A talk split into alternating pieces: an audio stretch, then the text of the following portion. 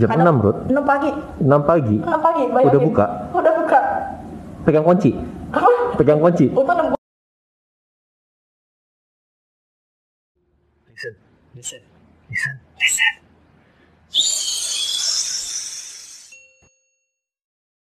Oke, welcome back healthy people. Eh, kali ini gua sendiri, nggak ada teman gua karena teman gua lagi berhalangan hadir. Jadi di sini cuma gua sendiri. Eh, gua Paul kalau yang belum pernah belum pernah datang ke channel ini dan gue ucapin juga welcome untuk yang baru join pertama kali di channel ini. Nah kali ini gue bersama narasumber eh, ya cukup cukup advance di bidangnya ya, di bidang uh, fitness itu sendiri. Seperti yang kita bahas kemarin. Jadi kita masih tetap bakal bahas tentang dunia fitness karena uh, ya orang sekarang udah makin sadar tentang dunia fitness itu sendiri. Nah, pengen tahu siapa narasumbernya, kita langsung kenalan aja. Silahkan. halo halo kok Paul Halo, halo. Oke, di sini gua namanya Ruth, Ruth Evelyn. Oke, gue pengalaman kerja gua di dunia personal trainer ini selama tiga tahun. Mm-mm. Biasanya gue kalau ngajar di bidang personal trainer ini, biasanya gue lebih ke fokus strength Fokus and fat loss and shape. Oke. Oke, biasanya gue sehari-hari udah mulai kerja sama corporate di Mega Gym, salah satu Mega Gym Jakarta. Hmm. Dan gue 8 jam, selama covid ini gue cukup kerja 8 jam aja. 8 jam aja ya. Iya. Oke. Nah, itu uh, tadi udah jelas sama Ruth. Ruth, kenapa sih Ruth personal trainer? Ada apa pilih de- dengan memilih personal trainer? Oke, awalnya itu gue nggak kepikiran sama personal trainer. Hmm, Dulu gue sempat mau kerja, mau jadi guru guru olahraga, olahraga. salah satu eh, sekolah swasta di Jakarta Barat. Oke. Oke, habis itu gue ngelamar macam udah udah lolos nih, Hmm. udah lolos mau jadi guru. Terus gue tiba-tiba lagi mau latihan. Gue juga dulu member, member Mega Gym. Oh, Oke. Oke, dulu terus gue kenal sama salah satu pelatih basket gue, kerjanya di Mega Gym juga. Oke, oke. Terus dia ngajakin, lu kenapa uh, jadi guru? Dia bilang, kenapa lu nggak jadi personal trainer aja? Dia bilang kayak gitu. Mm-mm. Emang kenapa kok?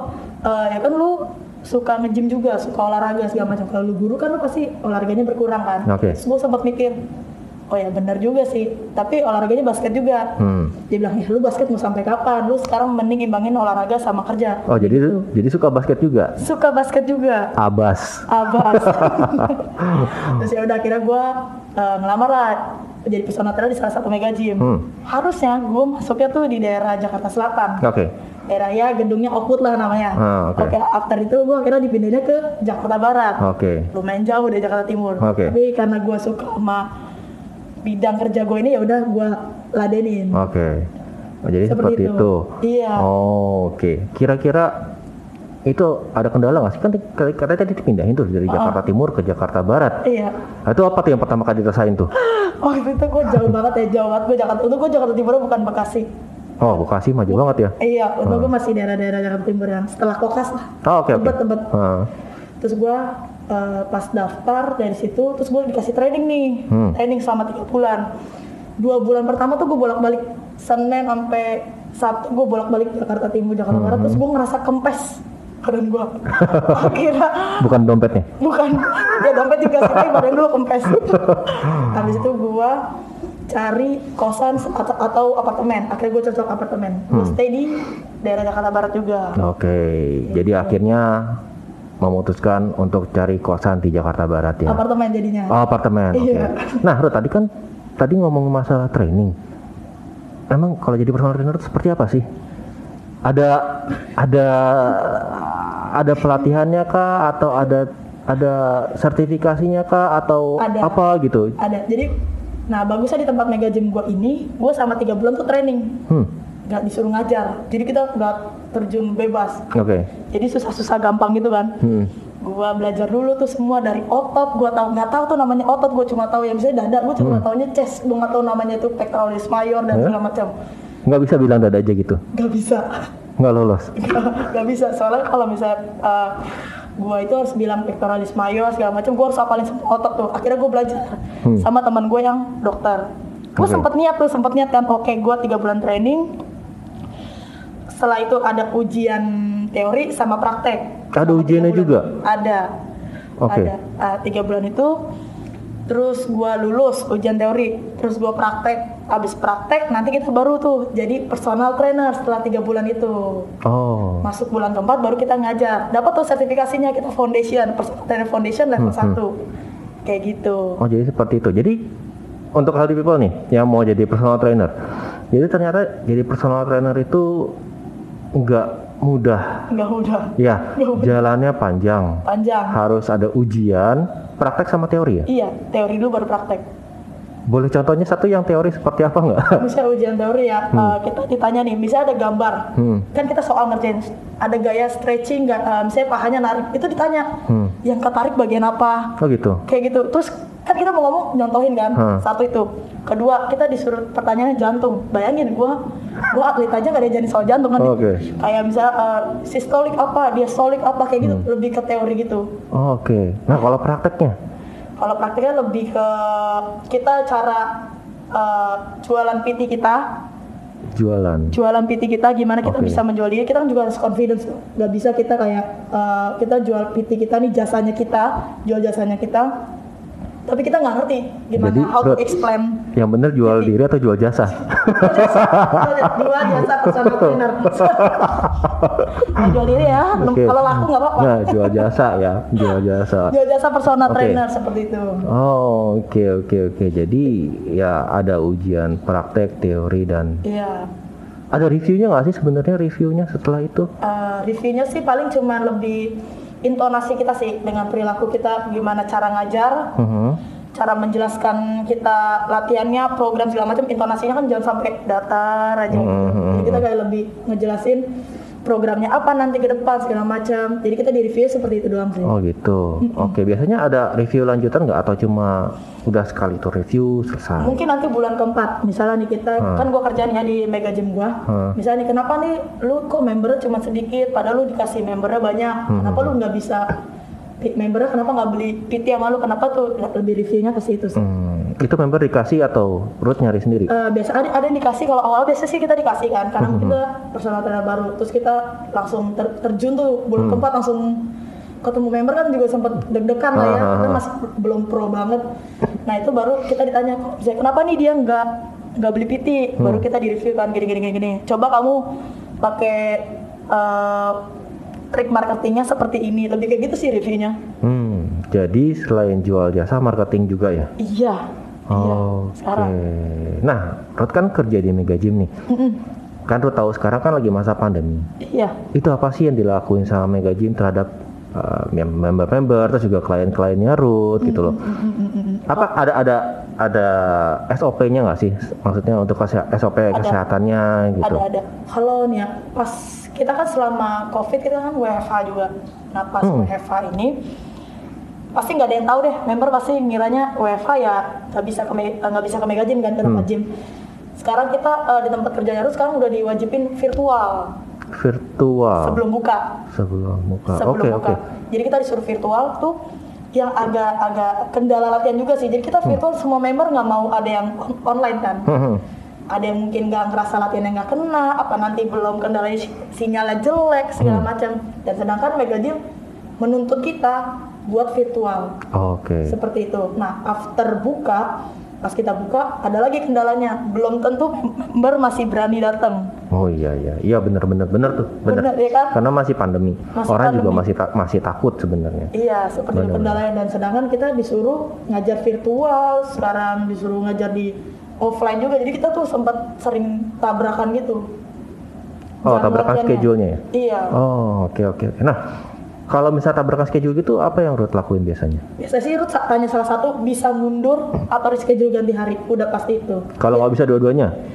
Kalau nggak bisa dua-duanya biasanya Ruth cek dulu nih sesi latihan yang masih banyak yang mana yang masih banyak harus suruh latihan dulu. Eh. Seperti itu. Ah seperti itu. Iya. Oh, Oke jadi agak-agak Banyak kendala ya, kendalanya lumayan lumayan tinggi juga ya. Jadi high risk juga ya untuk itunya ya. Buat Oke. kita high risk. Buat kantor mah tinggal dulu doang. Oke oke. Nah, Ruth, kan kalau misalkan ada tadi Ruth bilang yang tentang virtual ya, itu apakah cuma untuk member, oh sorry untuk kliennya Ruth sendiri atau untuk member secara global? Eh, yang pasti kan di virtual kita ngebawa nama kantor kita ya, nama korporat kita. Mm-mm. Jadi itu masih buat member sih. Nah, sempat juga kemarin disuruh yang member kantornya Ruth itu yang nggak ambil PT session, Mm-mm. disuruh coba free trial dulu Oh gitu. biar dia bisa ngerasain tenaga sih latihannya segala macam. Cuman emang gitu sih kalau kita mau virtual emang disuruh coba dulu sekali, Hmm. disuruh coba sekali dulu dia udah mulai pas, oh ya latihannya lumayan enak nih, baru deh dia mungkin baru bisa cocok. Oh. Biasanya itu lebih ke golongan yang orang dewasa sih yang buat yang lebih umur yang lebih 40 ke atas kayaknya kurang kena latihannya. Jadi kayak 40 ke bawah 30-an 20-an yang masih oke lah buat virtual ini. Hmm, I see, I see. Jadi kasih free trial dulu, Iya. kalau dia cocok Uh-uh. baru ambil sama Ruth. Benar. Pernah nggak misalkan Ruth eh, dapat satu member nih, Mm-mm. terus tiba-tiba bentrok sama trainer lain? Itu pernah nggak sih clash gitu sama sama trainer lain?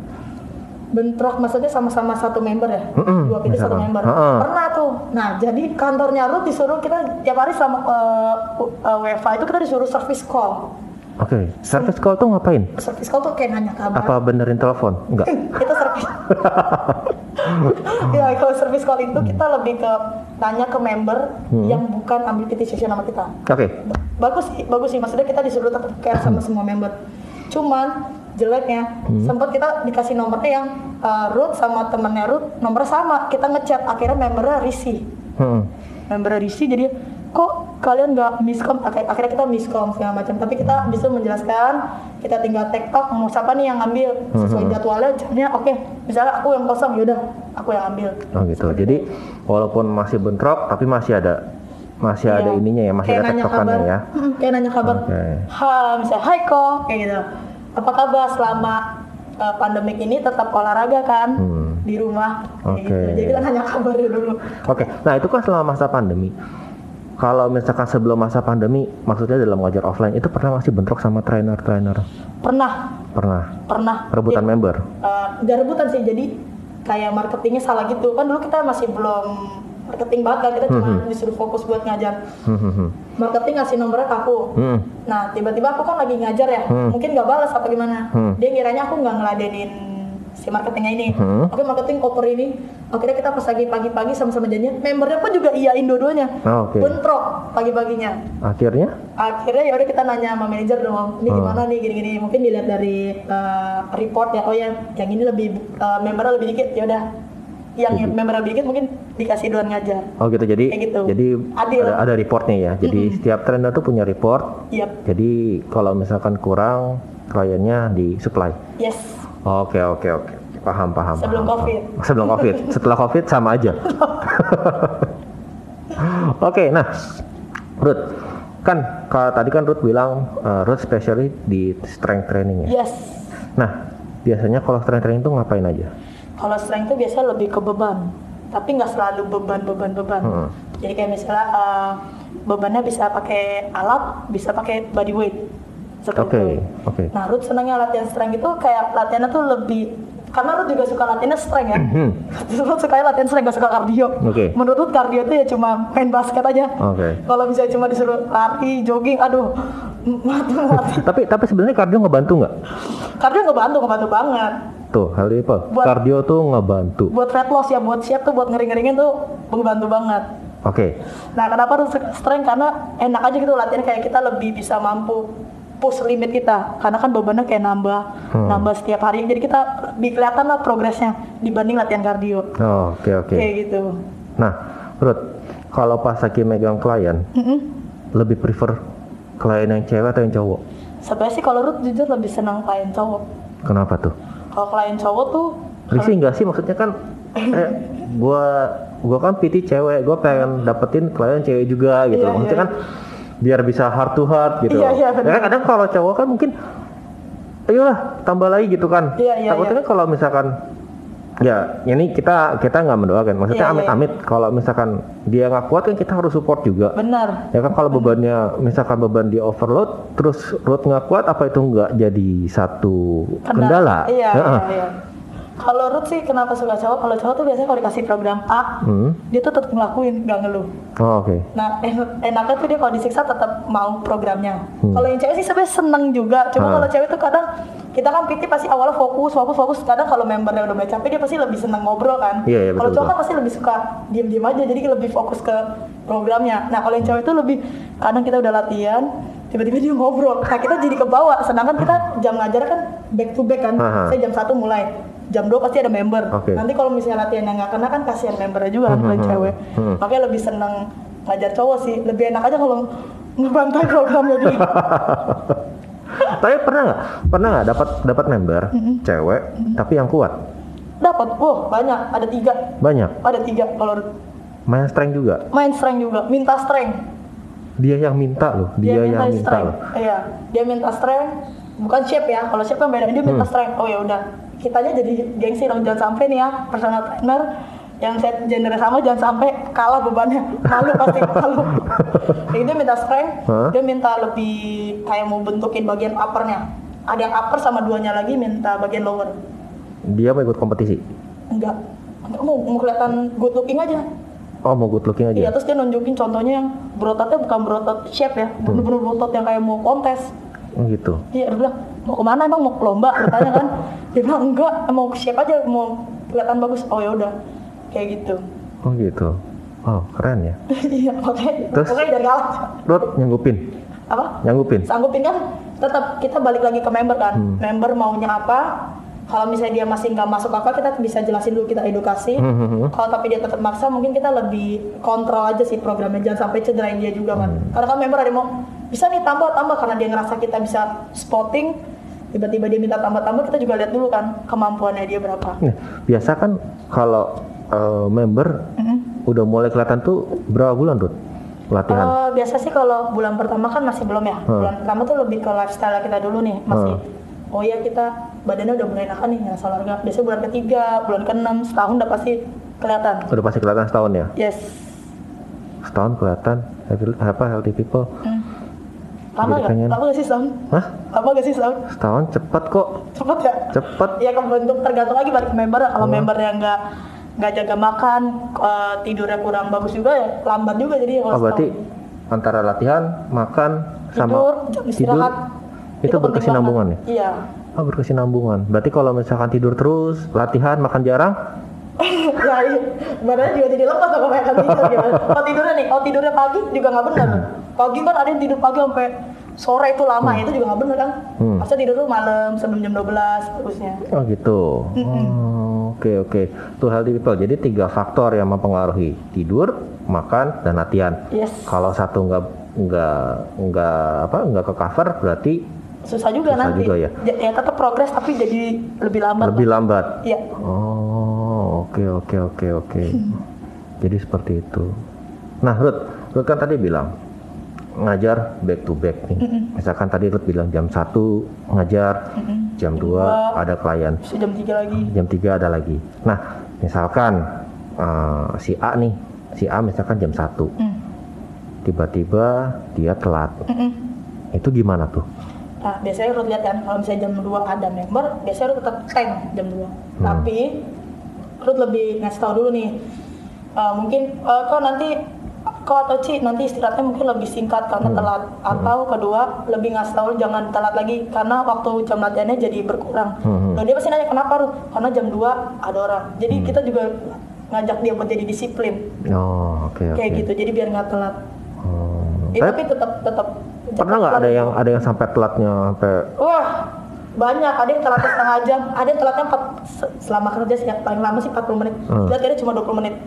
Terus kita tanya biasanya, Hmm. kalau sih lebih nanya, kau tetap mau latihan? Eh, ini sesinya tetap eh, kalau latihan tetap potong saya sejam segala macam. Hmm. Dia bilang, oke nggak apa-apa, ya udah. Kita latihan tetap maksimal aja. yang penting membernya mengiyakan ya, Iya, mengiyakan menyetujui ya. iya. Berarti Jangan sampai kita nggak nanya nggak apa, tiba-tiba kelar jam 2, ntar malah jadi miskom dia emosi kan. Iya sih bener-bener bener sih healthy people jadi seperti itu harus ada komunikasi tuh itu Iya. penting banget Heart to heart. bener bener bener bener nah Ruth biasanya kalau di di tempat kerja Ruth itu kan tadi Ruth bilang 8 jam Mm-mm. itu ngapain aja Ruth 8 jam pastinya kita 8 jam itu kan ada ngajar, hmm? ada istirahat, sama Hmm. meeting. Biasanya tuh. meeting Ya, cuman 8 jam itu tergantung. Kalau aku sih sebelum Covid ya selalu 8 jam lebih. oke 8 jam lebih Itu 8 jam lebih karena ya misalnya aku shift A. Hmm. Jadi selama 8 jam itu kita nggak ngajar terus. tergantung member. Oke, oke. Misalnya aku shift pagi nih 6 sampai jam 2. Jam 6, Ruth? 6 pagi. 6 pagi. 6 pagi, bayangin. Udah buka? Udah buka. Pegang kunci. Apa? Pegang kunci. Untuk 6 kurang udah udah udah kebuka pintunya. Jadi itu 6 kurang loh, kita 6 kurang udah sampai karena kan kita absen jam 6 kan. Hah. Berarti kita 6 kurang di situ. Jam 6 kurang. 6 kurang, halain jam mall kan Astaga.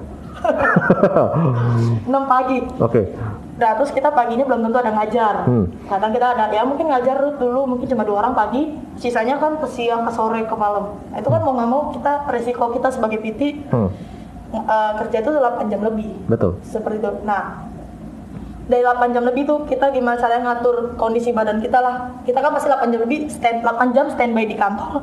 Habis itu sisanya kita ngajar kan. Hmm, hmm. Itu kita harus tetap jaga kondisi kita. Istirahat harus bagus sama makannya. Kadang Hmm. lap- eh, paginya ngajarnya dua, oke ini kosong sampai jam 1, jam 2 meeting. Hmm. Dua meeting nah 3 4 5 6 7 8 ngajar tuh. Nah, di situ tuh berarti kita jarakin makan kita segala macam harus pas. Karena udah bener nggak nggak menyentuh minum, nggak makan. Nggak mungkin kan kita makan sambil ngajar. Hmm. Kayak Iya gitu. nggak sopan sih ya. Mm-mm. Emang nggak bisa request misalkan kata dulu bilang misalkan 5, 6, 7, 8, 9 ngajar. Sementara Ruth masuk jam 6 kurang. Mm-mm. Emang nggak bisa enam pagi. Iya, ya, ya 6 pagi maksudnya. Emang nggak bisa request itu untuk maksudnya bilang kan saya ada klien nih jam 5, 6, 7, 8 dan seterusnya. Bisa nggak saya masuknya tuh agak siang gitu karena kan saya juga nggak ada klien. Eh, sebenarnya sih itu balik lagi ya kita tuh kerja shift shiftan namanya juga kita kerja sama kantor Oh, oke, jadi kita oke. ikutin rules kantor kan Oh, oke. biasa sih ganti-gantian gitu Hmm. Biasanya juga Ruth kalau padetin jadwal itu cuma di Senin Rabu Jumat Selasa Kamis tuh pasti ngajar cuma satu dua doang karena itu kita harus pintar kan mainin badan kita kayak Oh buat buat ini ya istirahat ya. iya benar Oke oke oke oke. kalau misalnya bosnya baik ya eh, tukar schedule Tetap ya. tetap tetap Tetap. Oke. Tetap. Kalau misalkan tadi Ruth bilang ada shift shiftannya ya. Berarti terakhir finish jam berapa ya untuk shift terakhirnya? shift terakhir itu sebelum covid setengah sebelas malam 6 pagi sampai setengah sebelas malam Pernah Ruth? Enggak. kalau itu biasanya kalau yang shift kita ada tiga shift A, B, C. C itu dari setengah tiga sampai setengah sebelas malam. Hmm. Itu biasanya isinya cowok semua. Hmm. Kalau yang cewek biasanya paling malam 12 sampai 8 tapi balik lagi kalau member ada ngajar 8 malam setelah 9 atau 9 malam start setelah 10 itu balik lagi ke PT-nya. Cuman kalau yang sebelum Covid 6 sampai setengah 11 kalau sekarang jam pagi sampai 9 malam pas selama pandemi ini. Oh berarti ada pemotongan jamnya ya? Iya, ngikutin jam mall buka. Oh gitu. Iya. Lebih diuntungkan nggak? Hmm, untungnya sih buat yang PT yang dulu sering closing ya, Hmm. badannya lebih rest. Cuma kalau buat kita sih nggak ada untung, Nggak, sama aja lah. sama aja ya? Sama aja. Cuma kita lebih sepi ngajar jadi lebih gabut, lebih gabut. Nah Ruth latihannya pas saat apa tuh kalau misalkan latihan? Sekarang kita udah dikasih jam latihan. Oh gitu. Sekarang dikasih jam latihan jadi semua PT bisa latihan uh, around jam 1 sampai jam 4 jam 1 4 jadi 4 jam 4 harus semuanya istirahat. Hah? 5 udah harus standby lagi di Mega Gym ya. Oke berarti jam satu misalkan Jam empat. latihan misalkan semua bareng-bareng nih jam satu. Iya, Eh, empat. biasa berapa lama sih Ruth? Kalau lu sih cukup 1 2 jam aja sih latihan. Satu sampai dua jam. Iya, kalau- Biasanya berapa rata-ratanya? Satu setengah jam. Satu setengah Karena jam. pasti kan udah lebih ya kita kayak Ngobrol. kayak ngobrolnya main HP. Belum foto-foto di kaca.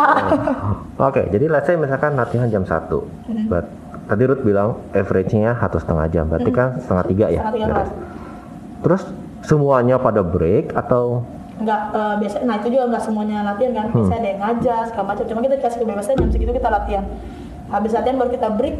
Jam pokoknya kita break selama apa pun. Pokoknya around itu harus jam 5 udah sampai di Mega Gym lagi. Karena jam peak hour kan. Hmm, Biasanya orang kerja, da- eh, pulang, jam 5 udah pada standby di gym semua. Jadi itu lagi crowded-crowdednya. hmm, tapi rame tempatnya Ruth Sekarang Hah. sepi banget.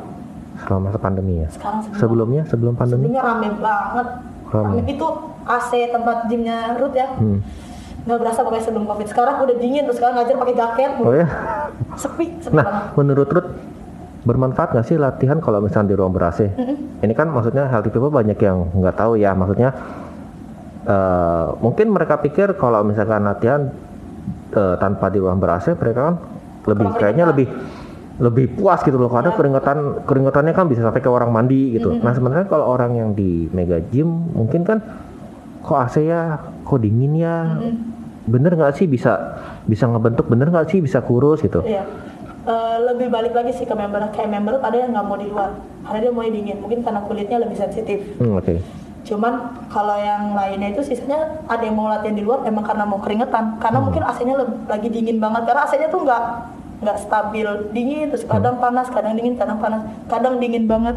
Seperti. Kalau latihan itu sih sebenarnya mau di tempat AC sama enggak sih sama-sama sama-sama ngebentuk. Hmm.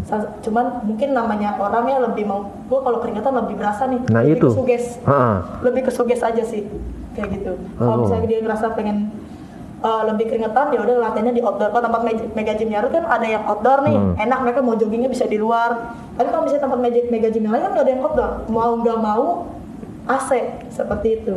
Gitu. Oke oke. Jadi ini suggest aja ya. Iya. Dan menurut Ruth ini semua sama aja ya? Sama aja baik kok lagi. benar? Oh gitu. Tuh healthy people jadi jangan cuma cari keringat. Iya. Jadi harus apa tetap olahraga tetap olahraga. olahraga olahraganya. Pembakaran kalori ya? Kalau keringat sauna aja. Keringat kan Huh. jadi di sauna latihan gitu? Kalau mau cari keringat doang aja di, di sauna. Keringatan juga kan bener sambil gitu. latihan? Enggak. Enggak. Oh ya selama covid nggak boleh sauna kita. Oh nggak boleh? Nggak boleh. Kita jadi steam sama sauna ditutup. Kolam renang juga ditutup. Di tempat gym Yarut. seperti itu. Mungkin lah, lagi covid gini kan takut udaranya nyampur sih. sempit. Bedanya steam sama sauna apa Ruth kalau steam kan yang basah tuh tetap panas juga. Cuma Hmm. lebih ada banyak airnya.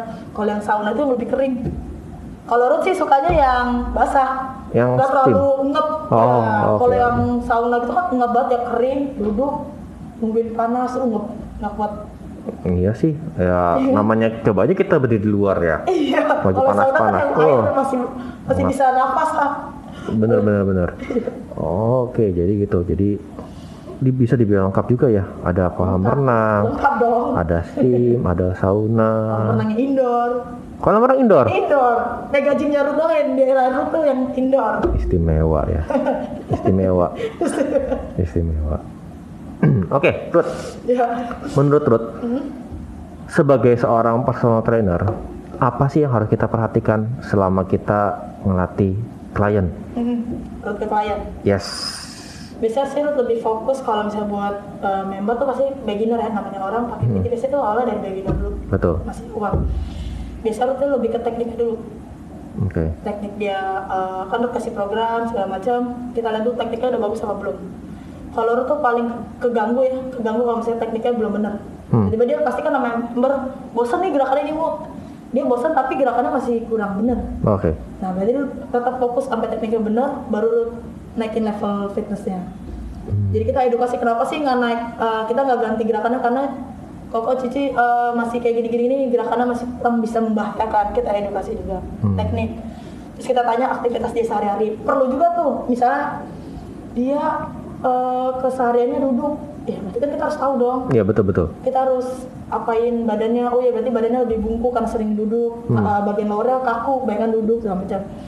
Habis itu kesehariannya terus makannya. Makannya Hmm. gimana iya saya saya nggak kurus-kurus makannya sehari empat kali gimana? Sehari empat kali gimana mau kurus? Oke. sehari terus tidurnya biasanya tuh menurut lebih susah ngajar dokter. Kenapa tuh? Eh, karena dia kadang suka koas sama Oke. jam tidurnya kebalikan dia kadang kerjanya malam ke pagi. Oh ya shiftnya ya? Oke shiftnya oke malam ke pagi Ah. segala macam. Biasa dulu lebih susah ke dokter. Hmm oke. jadi teknik eh, makannya jam tidurnya eh, kesehariannya udah pokoknya itu harus dicari tahu Oh, jadi oke. kita kontrol member kita Oke oke oke oke.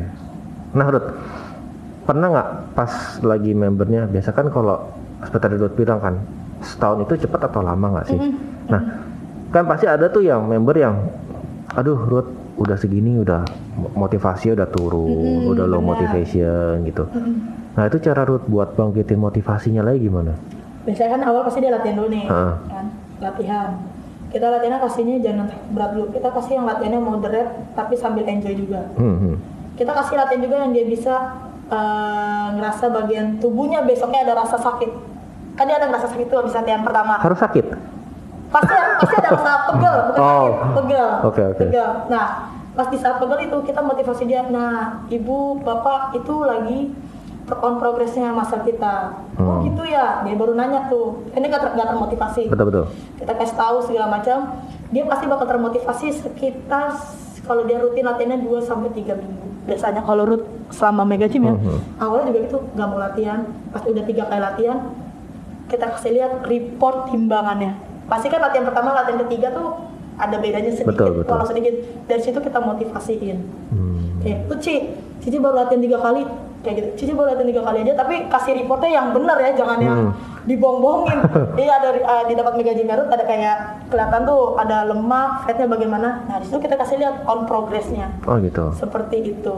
Dia pun turunnya cuma 0,1 0,2 itu tapi kalau buat member itu pasti ngerasa ya turun. Bangga lah ya seneng. Yes, ternyata gua nggak salah pilih PT iya itu lebih tepat. Ih, lebih ke situ. Oh oke oke oke pokoknya PT itu tugasnya pasti bikin program member harus bisa motivasiin dia. Hmm. motivasinya udah bukan olahraga doang hidup sehatnya lifestyle-nya. Berarti udah kayak dapat dapat sekretaris ya? Iya mau ya itu tugas PT sebenarnya. Berat Wow. sebenarnya.